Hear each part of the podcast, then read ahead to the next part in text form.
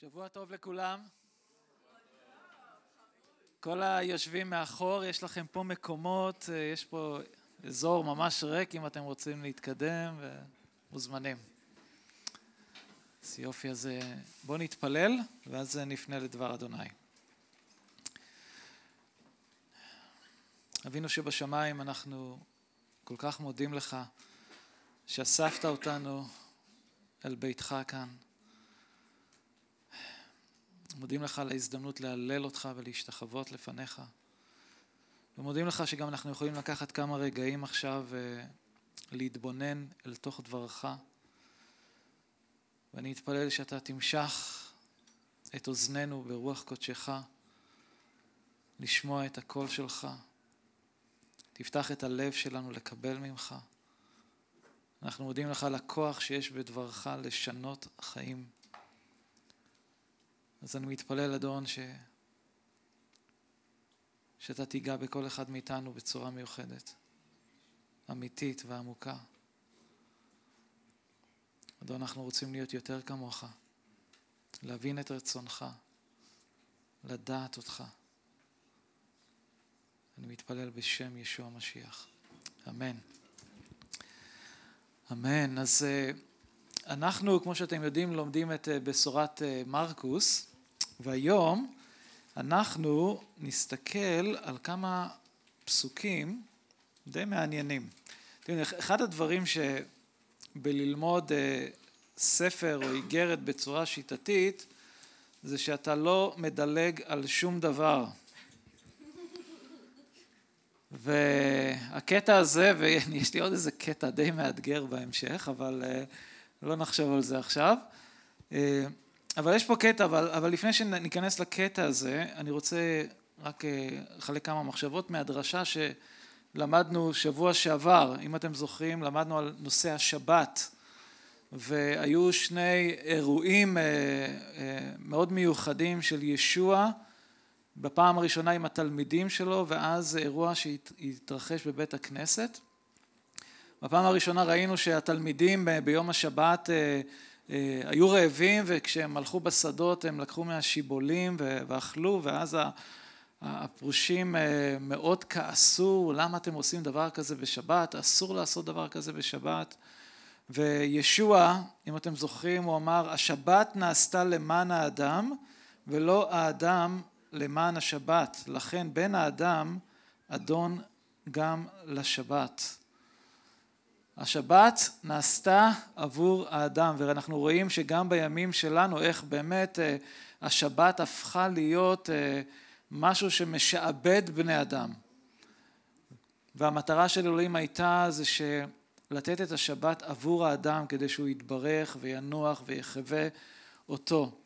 ואחד הדברים שגם אה, ראינו זה כאשר ישוע היה בתוך בית הכנסת ביום השבת והיה שם איש אה, שהיד שלו הייתה יבשה, משותקת, וישוע שאל את השאלה, האם מותר להיטיב בשבת או לעשות רעה, להציל נפש או להרוג, כי הם בעצם חיכו לרגע שישוע יעשה איזה משהו בשבילם, כמו שהם חשבו, נגד השבת, שהוא ירפא מישהו ביום השבת. הוא שואל את השאלה הזאת, הם לא עונים לו, ואז הוא מרפא את האיש עם היד היבשה, והם כל כך כעסו. ואנחנו רואים אה, איך הממסד הדתי, גם אז, גם בימינו, נותן למסורות להשתלט ולתת למקור, לדברים החשובים את המקום הנמוך ביותר. הערב אנחנו נתמקד בקטע שבו ישוע בוחר את 12 התלמידים שלו, שהם אה, לאחר מכן יהפכו להיות 12 השליחים. מרקוס פרק שלוש, נקרא פסוקים שבע ושמונה. ישוע הלך משם עם תלמידיו אל שפת הים, והמון רב מן הגליל הלכו אחריו, גם מיהודה, מירושלים, מאדום, מעבר הירדן ומסביבות צור וצידון, באו אליו המון רב, כי שמעו את כל אשר עשה. אז אנחנו רואים כאן את ישוע עם התלמידים שלו מגיעים לשפת ים הכנרת, המון אנשים הולכים אחריו, יש פרשנים שאומרים שכחמישים אלף אנשים הלכו אחרי ישוע. הוא עד כדי כך נדחק שבהמשך הוא אומר אה, אה, אני רוצה להיכנס לסירה כדי שהם לא ידחפו אותי אל תוך הים. עד כדי כך כמות של אנשים הייתה, ואנחנו רואים שהיו שם אנשים שבאו מכל מיני אזורים, הם באו מהגליל, הם באו מיהודה, מירושלים, מאדום, שזה ממלכת אדום, זה מהערבה ועד הנגב, עד עבר הירדן. צור וצידון, מה שאנחנו אומרים, קוראים היום לבנון. עכשיו זה מדהים שאז בלי כל הרשתות החברתיות וטלפונים ואימיילים, איך השמועה התפשטה בצורה כל כך מהירה, מפה לאוזן, במרחקים. ואנשים שומעים שיש איזה אחד שמרפא, אחד שמגרש שדים, אחד שמלמד בצורה כזו. שאף אחד לא שמע לימוד שכזה. וזה מושך אלפי אנשים לבוא ולראות את האיש הזה, ישוע.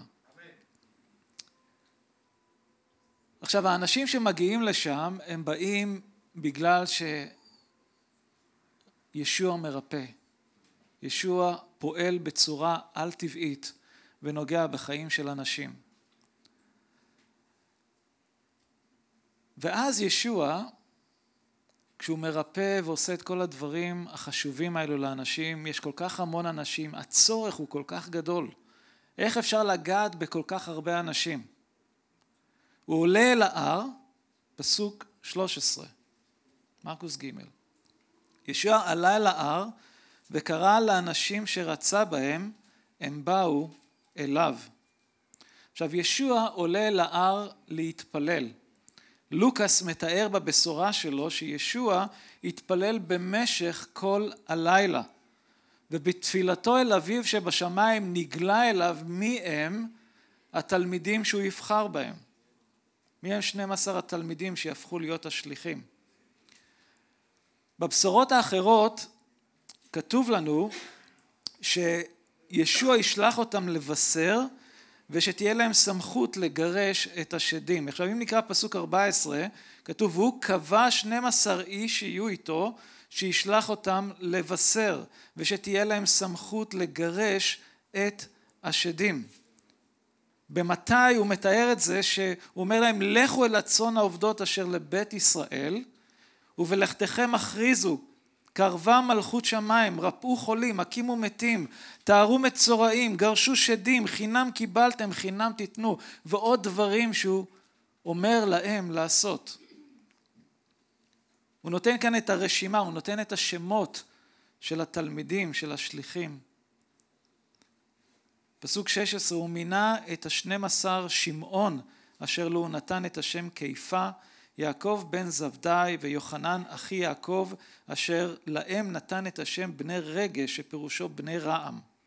אנדרי פיליפוס בר תלמי מתי תומא יעקב בן חלפי תדי שזה יהודה שמעון הקנאי ויהודה איש קריות אשר גם הסגיר אותו.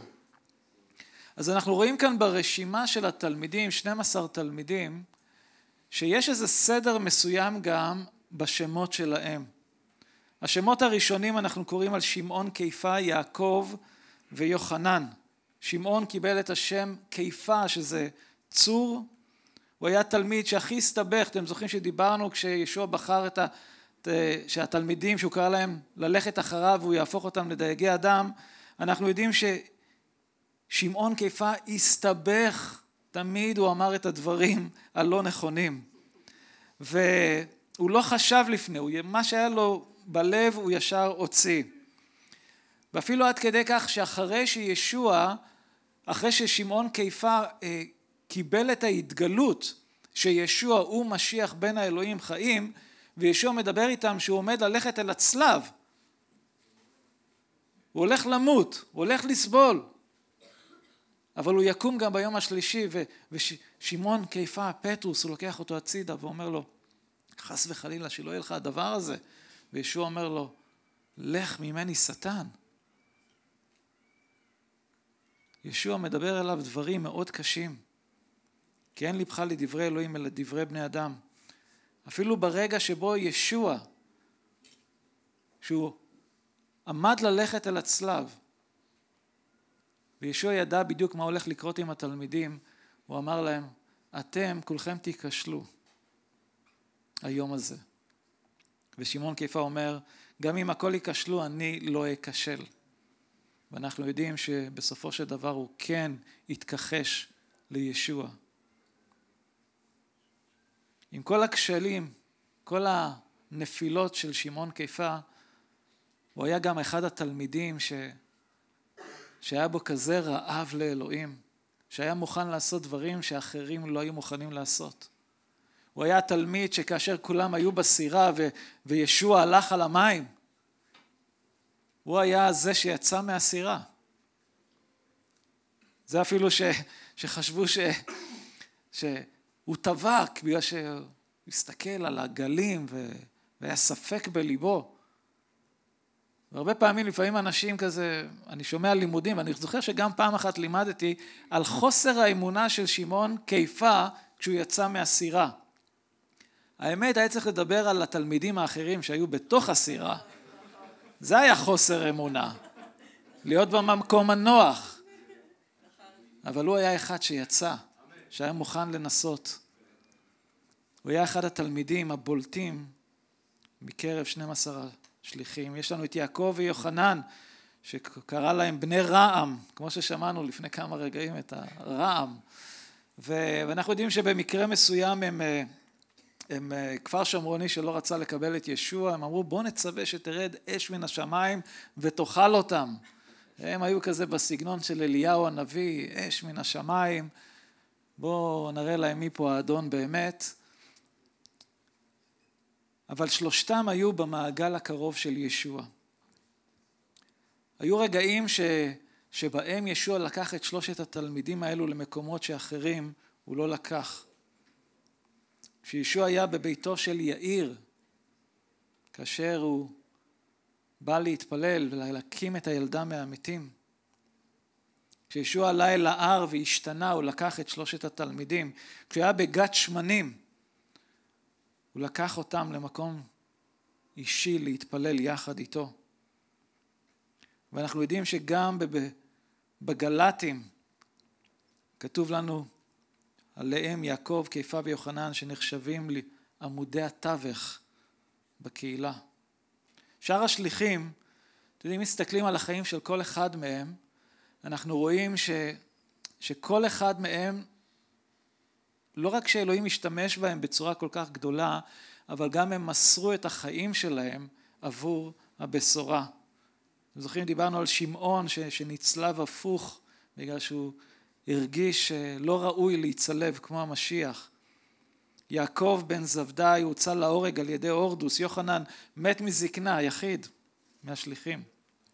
אנדרי אחיו הצעיר של שמעון קיפה גם המסורת אומרת שהוא אומת על ידי צליבה. פיליפוס גם נצלב. בר תלמי, נתנאל, נמסר למוות בגלל האמונה שלו בישוע. מתי, שהיה מוכס, נדקר בחרב. תומא נדקר על ידי ארבעה חיילים. יעקב בן חלפי נרגם למוות באבנים. שמעון הקנאי נמסר למוות בגלל שסירב להקריב קורבן לאילת השמש, ותדאי גם נמסר למוות. ואחרון ברשימה שזה יהודה איש קריות, שבגד בישוע, הוא בעצם שם קץ לחיים שלו. אבל אנחנו מסתכלים על התלמידים האלו, שבליבם בערה האש ללכת, לצאת אל העולם ולהכריז את הבשורה, והיו מוכנים לתת את החיים שלהם בעד הבשורה. אלו לא היו תלמידים רגילים. אלו היו תלמידים שהפכו להיות השליחים. הדרשה היום היא שונה מדרשות אחרות ששמענו עד עכשיו. אני באופן אישי לא לימדתי את הדרשה הזו. והיום הדרשה תעסוק בנושא השליחות והשליח בימינו. מה זה אומר בימינו כל הנושא של שליחות ושליחים? ואנחנו צריכים להיות מודעים כמאמינים בישוע למה שמתרחש בגוף המשיח לא רק בארץ אבל גם בעולם בנושא הזה. ומדי יום אנחנו נחשפים למגוון רחב של לימודים אודות האמונה בנושאים שונים. והלימודים האלו, בשונה מהעבר, אלו לימודים שהם זמינים עבור כל אחד בלחיצת כפתור, אם זה בטלפון ואם זה במחשב. יש לימודים טובים, מאוזנים, בריאים, אך למרבה הצער יש גם לימוד שגוי, לא מאוזן ומאוד מזיק, אם זה לחיים האישיים של המאמין ובכלל לקהילה, זה יכול להיות מזיק לקהילה שלמה. עכשיו שתדעו שבימינו יש תנועות מסוימות שיש בארץ ובעולם. והתנועות האלו, שוב, זה לא ארגון, זה לא איזה זרם, זה תנועה. והתנועה הזאת קוראת לעצמה תנועת השליחים והנביאים. עכשיו, ההשקפה שלהם, איך שהם רואים את הדברים, זה, הם טוענים שהשליחים והנביאים הם שתיים מן המשרות החיוניות ושאנחנו חייבים אותם בתוך מסגרת הקהילה, בתוך ההנהגה של הקהילה. עכשיו תנועת השליחים והנביאים טוענת שהיום יש שליחים ונביאים עם סמכות ישירה מהאדון.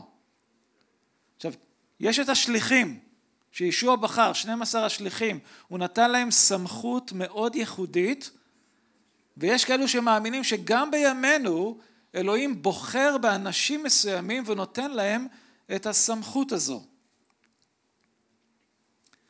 עד כדי כך שיש אנשים מאמינים שלמשל ספר מעשה השליחים הוא ספר נבואי שאומר שכל מה שקרה במעשה השליחים גם צריך להתקיים בימים שלנו. ועל מה אני מתכוון? שאלוהים יקים מחדש שליחים ונביאים בירושלים לפני החזרה של ישוע.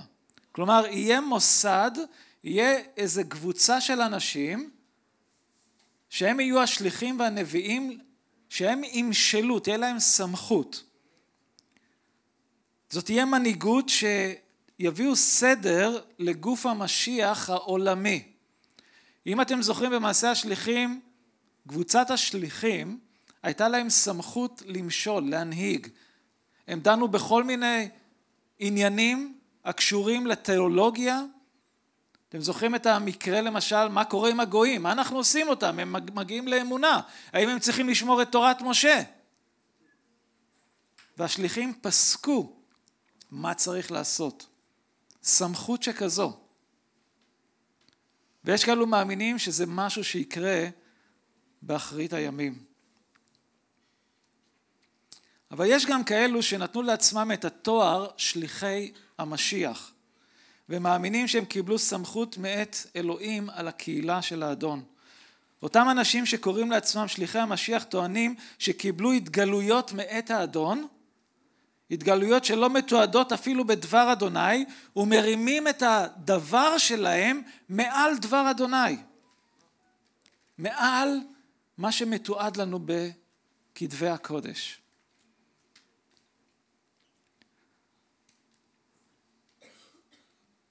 אם מישהו נותן לכם כרטיס ביקור וכתוב עליו שליח, כן, תיזהרו, תיזהרו מהדבר הזה.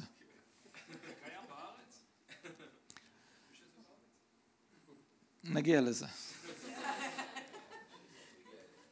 אפסים, פרק ד', נקרא פסוקים 11 עד 13. אפסים ד', 11 עד 13. והוא נתן את אלה להיות שליחים, את אלה נביאים, את אלה מבשרים ואת אלה רועים ומורים, כדי להכשיר את הקדושים לעבודת השירות לבניית גוף המשיח, עד כי נגיע כולנו אל אחדות האמונה ואחדות ידיעת בין האלוהים. אל האדם השלם, אל שיעור קומתו המלא של המשיח. עכשיו הטענה מצד אלו שקוראים לעצמם שליחי המשיח שאם מסתכלים על הפסוקים האלו, אז אנחנו רואים כאן שיש אה, יש מבשרים, יש רועים ויש מורים, אז, אז גם יש נביאים וגם יש שליחים, כלומר זה משהו שממשיך כדי לבנות את גוף המשיח. עכשיו אני רוצה להגיד פה הערה אישית מאוד חשובה. אני מאמין שבימינו אלוהים מקים אנשים לשליחות מיוחדת הנוגעת להקמת קהילות ועבודות שירות במקומות שונים. אלו מכם שאולי שמעתם על מישהו שחי במאה ה-18 וה-19, הדסון טיילר. הוא היה אחד שנשלח לסין, וכשהוא היה בסין הוא הכריז את הבשורה, הוא הקים קהילות, הוא הקים בתי ספר תנכיים שם, המון אנשים הגיעו לאמונה, הוא היה בתפקיד הזה של שליחות מטעם הקהילה.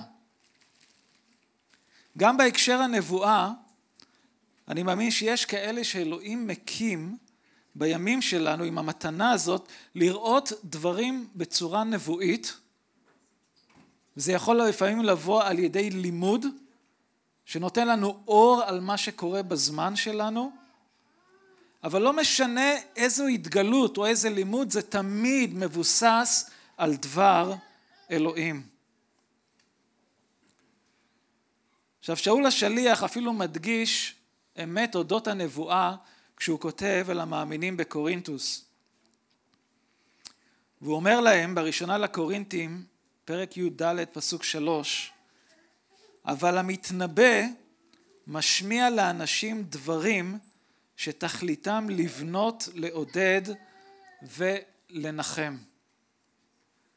אז אנחנו רואים כאן שהנבואה יש לה מקום בתוך הקהילה, אבל אם תשימו לב כאן מה ששאול כאן אומר, הוא אומר, התפקיד של הנבואה זה לבנות, לעודד ולנחם. ולפעמים כן יש אנשים בתוך הקהילה שאלוהים נתן להם את המתנה הזאת כדי לבנות, לעודד ולנחם אחים ואחיות באמונה. עכשיו, כשאנחנו מדברים על נביאים, יש כאלו שטוענים שאלוהים כן מקים נביאים באותה רמה של ישעיה, של ירמיה, של יחזקאל. מה זאת אומרת?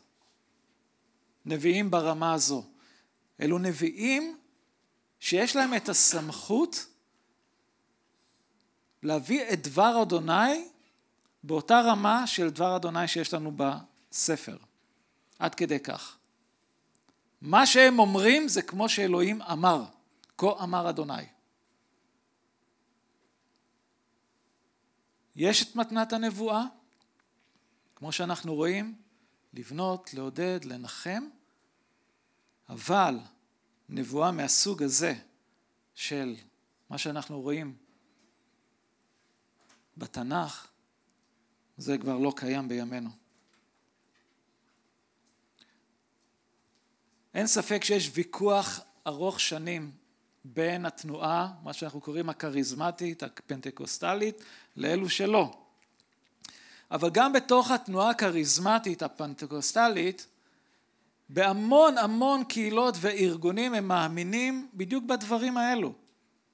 הם לא מאמינים שאלוהים הולך להקים שליחים ונביאים באותה רמה שהיו אז, שהם ימשלו באותה מידה, באותה צורה. עכשיו, אני רוצה לעשות פה הבדל, שוב פעם, בין שליחי המשיח לשליחים מטעם הקהילות. יש הבדל מאוד משמעותי. שליחי המשיח הם אלו שניתנה להם סמכות לכתוב את הבשורות והאיגרות אשר מופיעות בתוך הברית החדשה, דבר אלוהים. אלו השליחים, שליחי המשיח.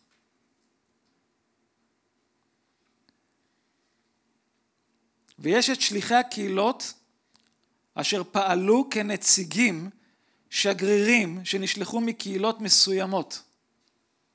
אתם מבינים את ההבדל? שליחי המשיח ושליחים מטעם הקהילות. אתם זוכרים שלמדנו את האיגרת על הפיליפים, למדנו על האפפרודיטוס, כתוב לנו בפיליפים ב' 25, אבל חשבתי לנחוץ לשלוח אליכם את האח אפפרודיטוס שותפי לעבודה ולמערכה וגם שליחכם המשרת במילוי מחסורי. הוא נשלח על ידי הקהילה לבקר את שאול בכלא ולדאוג לצרכים שלו. הוא נשלח תחת סמכות הקהילה. יש את טיטוס בשנייה לקורינתים, ח' 23, אשר לטיטוס שותפי הוא ועובד איתי למענכם אשר לאחינו שליחי הקהילות הם לתפארת המשיח. עכשיו טיטוס היה דמות מאוד חשובה בתוך הקהילה באותם זמנים ושאול שלח אותו לקהילות שונות אם זה למנות זקנים או לסדר עניינים חשובים שהיו בתוך הקהילה. טיטוס לא היה שליח, הוא נשלח עם הסמכות של שאול השליח. כלומר, לשליחי המשיח הייתה את הסמכות למשול, ושליחי הקהילות נקראו לשרת את גוף המשיח. אתם יודעים כמה שליחי, שליחים מטעם הקהילות נמצאים בעולם, בכל מיני מקומות בעולם, והם לא קוראים לעצמם שליחים. הם משרתים. משרתים שם, אף אחד לא יודע עליהם, לא הולכים עם כרטיס ביקור. אין להם מטוס פרטי. הם הולכים ובשקט משרתים. נשלחו מטעם הקהילה. השליחים של המשיח. המילה שליח בשפה היוונית זה אפוסטולוס, והיא מגיעה מהפועל היווני אפסטויאו. זה, יש לנו, איזה בדיחה עם כל האיזה. כן. עכשיו המילה, המשמעות שלה זה לשלוח. עכשיו המילה שליח בברית החדשה מתייחסת לעיתים תכופות לאנשים שנבחרו באופן ייחודי על ידי האדון, כמו, כמו 12 השליחים. מתי י2 ואלה שמות 12 השליחים. שאול השליח ברומים א' אחד מאת שאול עבד המשיח ישוע אשר נקרא להיות שליח ויוחד לבשורת אלוהים. עכשיו, איך אפשר היה לזהות אם מישהו שליח? צריך להיות איזה סוג של קריטריונים. לא כל אחד שבא ואמר, אני שליח. כמו שאמרנו, אתה יכול להיות שליח בדומינוס ובפיצה האט, אבל היו קריטריונים להיות שליחי המשיח. עכשיו, הברית החדשה מבהירה שרק מי שהיה עד לאירועי המפתח המוזכרות בבשורות, מזמן טבילתו של ישוע ועד העלייה שלו לשמיים, עם דגש במיוחד על כך שהוא קם מן המתים. הוא עומד בקריטריון הזה. עכשיו אחרי מותו של יהודה, איש קריות, אחרי שהוא שם קץ לחייו, נשארו 11 תלמידים. והם החליטו לבחור עוד שליח במקומו. עכשיו שימו לב מה הם אומרים במעשה השליחים א', פרק 1, פסוקים 21 ו-22. על כן צריך שאחד מן האנשים אשר נלוו אלינו בכל העת אשר האדון ישוע בא ויצא בתוכנו, החל מטבילת יוחנן עד יום הינשוא מאיתנו, יהיה עד איתנו על תחייתו. אז היה חשוב להם, השליח שיבוא ויחליף, הוא צריך להיות אחד שהיה עד, שחווה, שהיה שם. עכשיו שאול, השליח, מבהיר שבזכות החסד של אלוהים, הוא קיבל את הכבוד להיות השליח האחרון והנחות מכל השליחים. תראו מה אומר בראשונה אל הקורינתים, ט"ו, זה 15, פסוקים 6 עד 9. הוא אומר, אחרי כן נראה בבת אחת אל יותר מחמש מאות אחים, אחרי שישוע קם מן המתים, אשר רובם עודם בחיים ומקצתם מתים. אחר כך נראה אל יעקב, ולאחר מכן אל כל השליחים. אחרי כולם נראה גם אליי, אני האחרון, אשר כנפל אני, שכן אני הפחות בשליחים ואינני ראוי להיקרא שליח משום שרדפתי את קהילת אלוהים. שאול השליח היה האחרון שישוע נגלה אליו. אתם זוכרים מתי ישוע נגלה אליו? הוא היה בדרך לדמשק, לרדוף את המאמינים. ובדרך לשם הוא מקבל התגלות אישית. אלוהים לא שלח מלאך, לא היה לו איזה הערה, ישוע בעצמו נגלה אליו.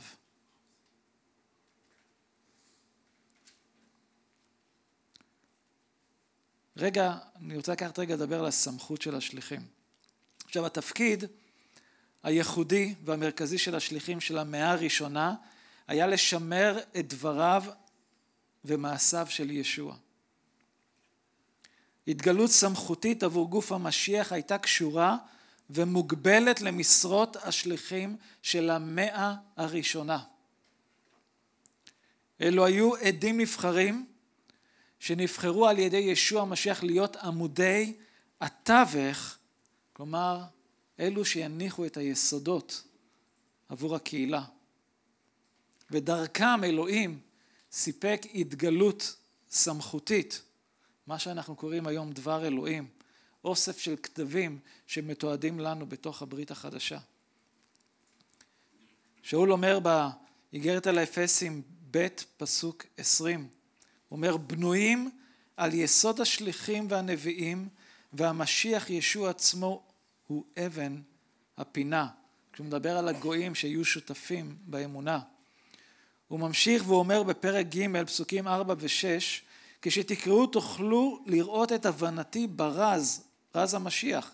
הרז אשר בדורות הקודמים לא נודע לבני אדם כמו שנגלה כעת לשליחיו ולנביאיו הקדושים בדרך הרוח. שיהיו הגויים שותפי נחלה, שותפי גוף ושותפי הבטחה במשיח ישוע על ידי הבשורה.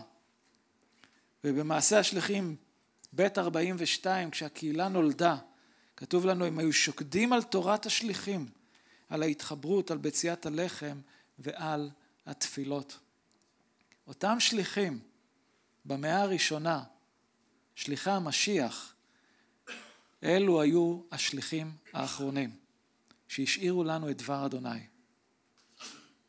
עכשיו אם זה היה אפשרי שאחריהם יהיו עוד שליחים ברמה הזו, אז השליחים האלו היו כותבים לנו עוד איגרות ועוד דברים, והייתה להם גם סמכות להוציא דברים ולשנות דברים. תחשבו לרגע, מישהו לוקח את ספר הכתובים הזה, מוסיף עליו דברים ומוציא ממנו דברים.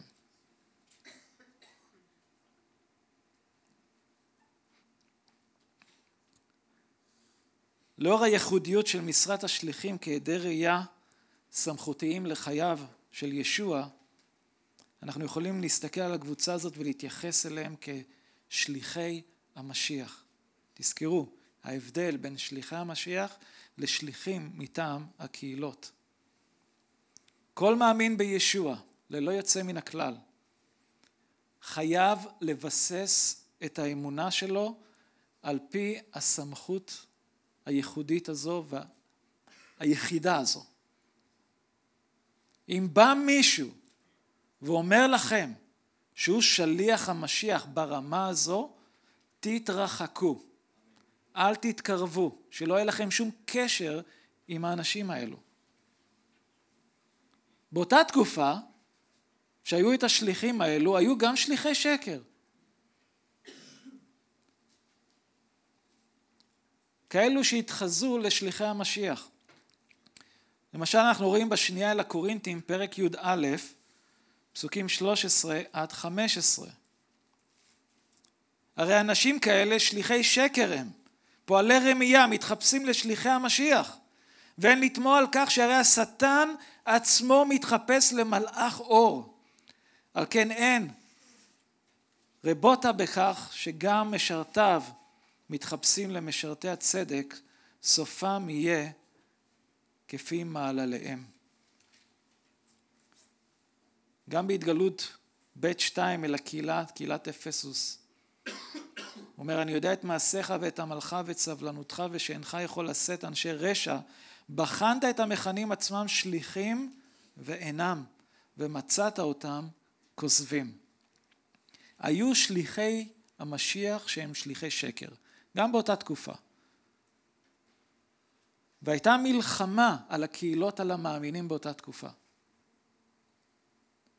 עכשיו זה שונה מהימים שלנו בגלל שאז כמובן לא היה תקשורת מהירה כמו שיש לנו היום. אז למשל הקהילה בקורינטוס, הקהילה בגלטיה, שמקבלים את האיגרות של תוכחה ותיקון, שהם נתנו לכל מיני תורות שקר להיכנס אליהם, תחשבו לרגע, זה, אתה הולך לנטוע קהילה, אתה מלמד אותם את התורה הבריאה, אתה משאיר להם את התורה הבריאה, בא מישהו אחר, לאחר מכן, בא ומלמד משהו אחר, והוא קורא לעצמו שליח המשיח. עד שהמגלים מה קורה בקהילה, התורה הזו כבר הופכת להיות כל כך מושרשת ועמוקה בתוך הקהילה שלוקח זמן להגיע ולתקן ולהחזיר אותם לדרך הנכונה. וזה בדיוק מה ששאול עשה כשהוא שמע על מה שקורה בתוך הקהילה. ולכן אחד הדברים שבאמת יכולים להגן על החיים הרוחניים שלנו, על הקהילה שלנו, זה להבין ששליחי המשיח נחתמו במאה הראשונה והשאירו לנו את כל מה שהאדון חשב לנכון להשאיר לנו. לא צריך להוסיף, לא צריך להוציא שום דבר.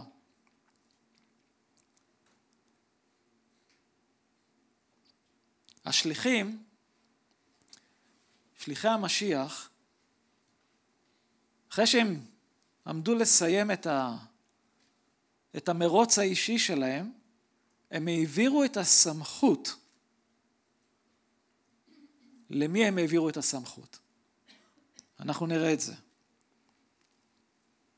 מעשה השליחים י"ד, פסוק 23. בכל קהילה מינו להם זקנים, ולאחר שהתפללו וצמו הפקידו אותם ביד האדון אשר האמינו בו. עכשיו שאול וברנבה נמצאים בליסטרה ובאיקוניון ואנטיוכיה, הם מגיעים לקהילות, הם נוטעים קהילות, הם ממנים זקנים שיהיו אחראים, שישגיחו על הצאן. הם לא ממנים שליחים, הם ממנים זקנים. בטיטוס א' חמש הוא אומר, השרתיך בכריתים כדי שתסדר מה שיש עוד לסדר, ותמנה זקנים בכל עיר כפי שציוויתיך. כאשר שאול השליח נפרד מזקני קהילת אפסוס, הוא אומר להם, אני לא אראה אתכם עוד. הוא הולך לירושלים לסבול, הוא יודע שהוא ייאסר, הוא לא יראה אותם עוד. עכשיו, אם זה היה נחוץ להשאיר שליח במקומו, הוא היה ממנה שליח שם, אבל הוא לא עשה את זה. הזקנים, המנהיגים, הרועים, הם אלה שימשיכו לאחר מכן.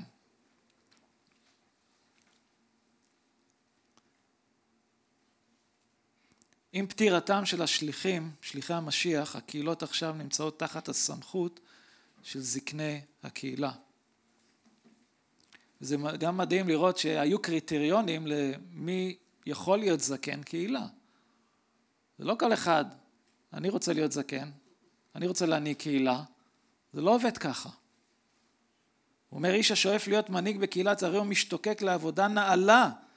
לכן המנהיג צריך להיות איש שאין בו דופי, והוא נותן רשימה של דברים. מה נדרש מלי מנהיג להיות? הסמכות הזו, המשילות הזו של של שליחי המשיח, אתם יודעים איפה אנחנו רואים בצורה הכי ברורה? באמונה הקתולית. הם מאמינים ששמעון קיפה, פטרוס, היה השליח הבכיר, ומאז הוא העביר את הסמכות שלו כל פעם למה שאנחנו קוראים היום האפיפיור. אתם יודעים מי האפיפיור היום? כחורכה מריו ברגוגליו, משהו כזה. האפיפיור ה-266. ככה הם מאמינים, שהסמכות הזו הועברה ויש לו את הסמכות באותה רמה של השליחים אז.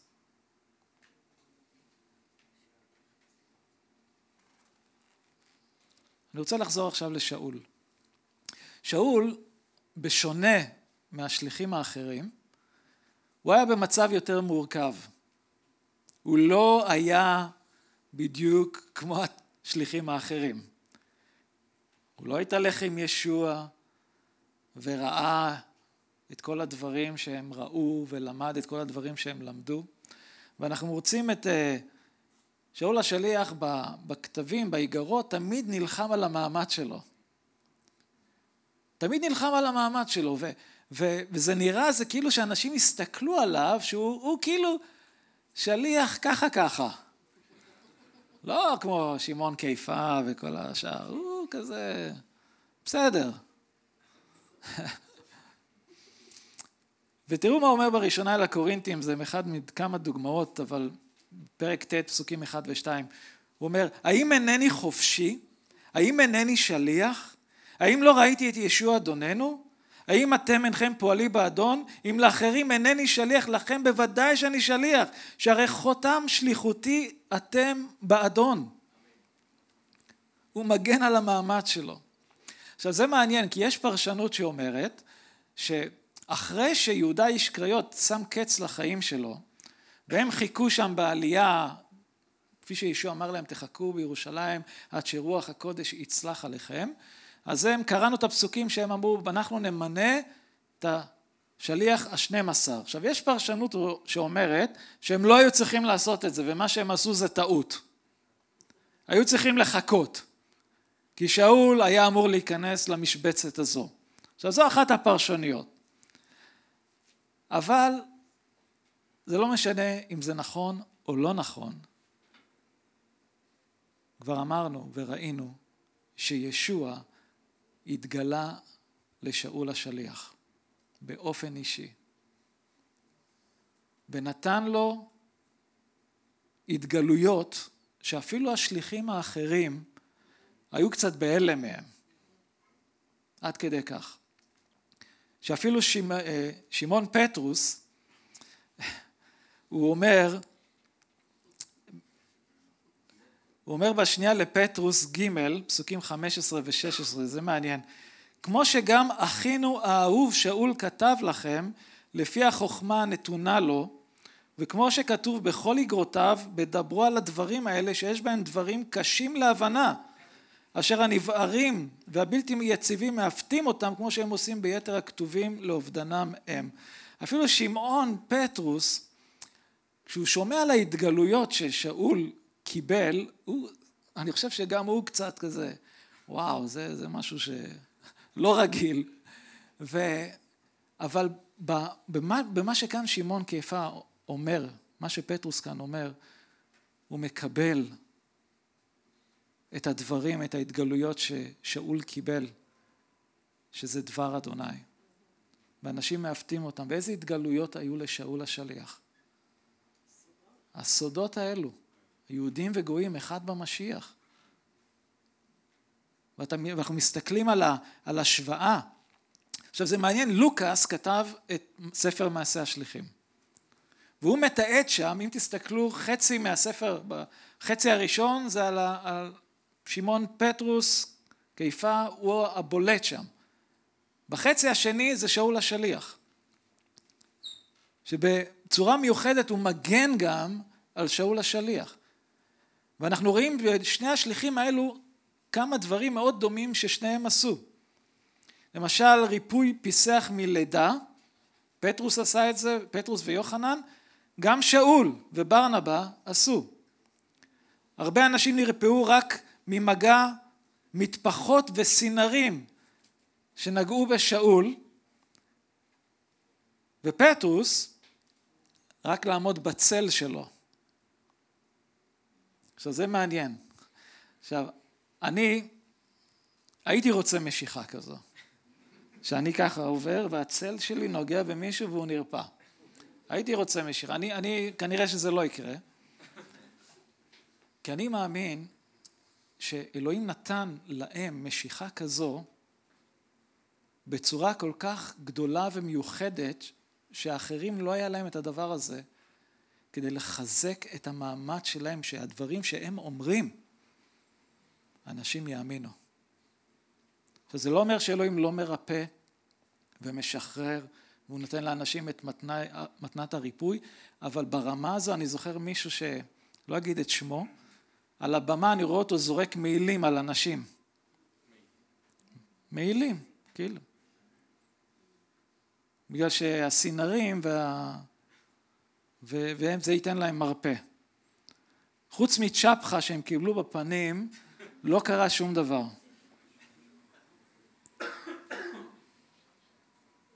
שאול הקים מישהו מהמתים, גם פטרוס עשה. אנשים קיבלו את רוח הקודש בשמיכת ידיו של שאול כפי שגם פטרוס ויוחנן עשו. פטרוס ושאר השליחים קיבלו את שאול כשליח. עכשיו זה מעניין כי אם לוקאס לא היה מגן על שאול בספר מעשה השליחים, היה מתעד את הדברים האלה, היום לא היה לנו את האיגרות של שאול. כי לא היו מקבלים אותו כאחד השליחים. לסיכום, זוהי מילת אזהרה לכולנו, מהמנהיגים עד האחרון מחברי הקהילה. אם מישהו יבוא ויכריז על עצמו כשליח המשיח, תיזהרו לא לקשור את עצמכם בשום דרך. האם חמשת התפקידים המוזכרים באפסים ד' שליחים, נביאים, מבשרים, רועים ומורים תקפים לימינו? אני מאמין שכן, אבל שוב, יש להבדיל בין שליחי המשיח לבין שליחים מטעם הקהילות. שליחי המשיח הם אלו שניתנה להם סמכות מאת האדון לתעד את הבשורות והאיגרות אשר מופיעות לנו בברית החדשה.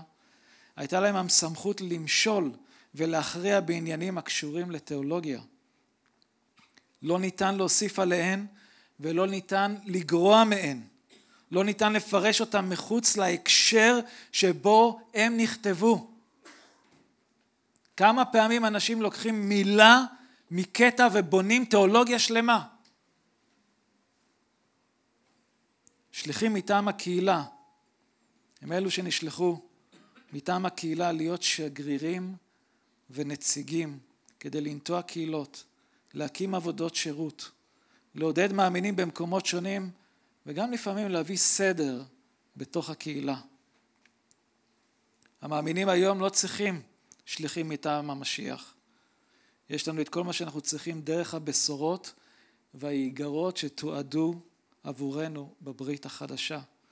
כל מאמין בישוע נושא על עצמו את מסר השליחות אשר הושאר לנו ולכן ישוע אומר לשליחיו אחרי קומו מן המתים במתי 28 פסוקים 18 עד 20 ניתנה לי כל סמכות בשמיים ובארץ על כן לכו ועשו את כל הגויים לתלמידים הטבילו אותם לשם האב הבן ורוח הקודש ולמדו אותם לשמור את כל מה שציוויתי אתכם. הנה איתכם אני כל הימים עד קץ העולם.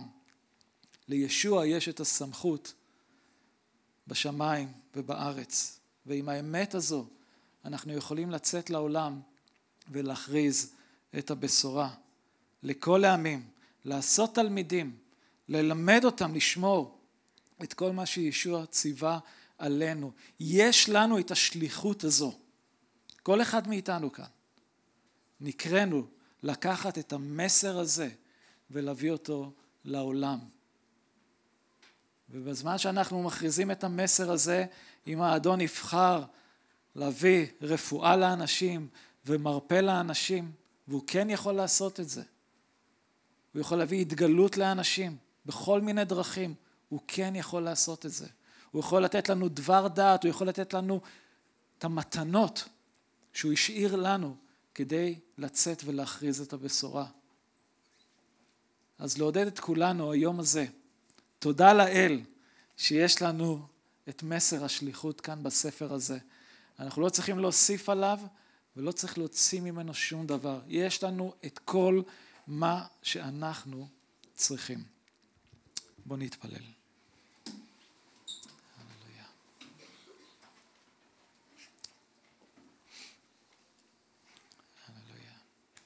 אבינו שבשמיים, אנחנו מודים לך. מודים לך, אדון, שאתה השארת לנו את דברך, את עצת אלוהים השלמה, כל מה שאנחנו צריכים. ואני מתפלל, אדון, שאתה, שתשמור עלינו, שתשמור עלינו מתורות שקר, שתשמור עלינו מכל מיני דברים שיכולים לקחת אותנו למקומות שאנחנו לא צריכים להיות בהם. תודה לך שדברך הוא כעוגן בחיינו. עזר לנו תמיד, אבא, לעגן את האמונה שלנו בדברך. אני מתפלל, אדון, שתעזור גם לכל אחד מאיתנו לקחת על עצמו את הקריאה שהשארת לנו. ללכת לעולם השבור הזה, החשוך הזה, הכואב, העולם שמחפש את האמת, ושאנחנו נצא אליו עם המסר שהשארת בידינו, להכריז את שם ישוע. אדון, תן שבחסדך הרב שאנחנו נמצא נאמנים לפניך, לראות בחיינו המון אנשים שהעיניים שלהם נפקחות אל האמת בישוע המשיח. תודה לך, אבינו שבשמיים. תן לנו את האומץ ללב שאנחנו צריכים, אדוני. כמו שכתוב, אדון, לצאת, להכריז את הבשורה בליווי אותות ומופתים בשם ישוע המשיח. או אדוני אלוהים, תשתמש בנו, אדון. תשתמש בנו בדור הזה, שאנחנו נהיה כעיר על גבעה, על הר, מלח הארץ.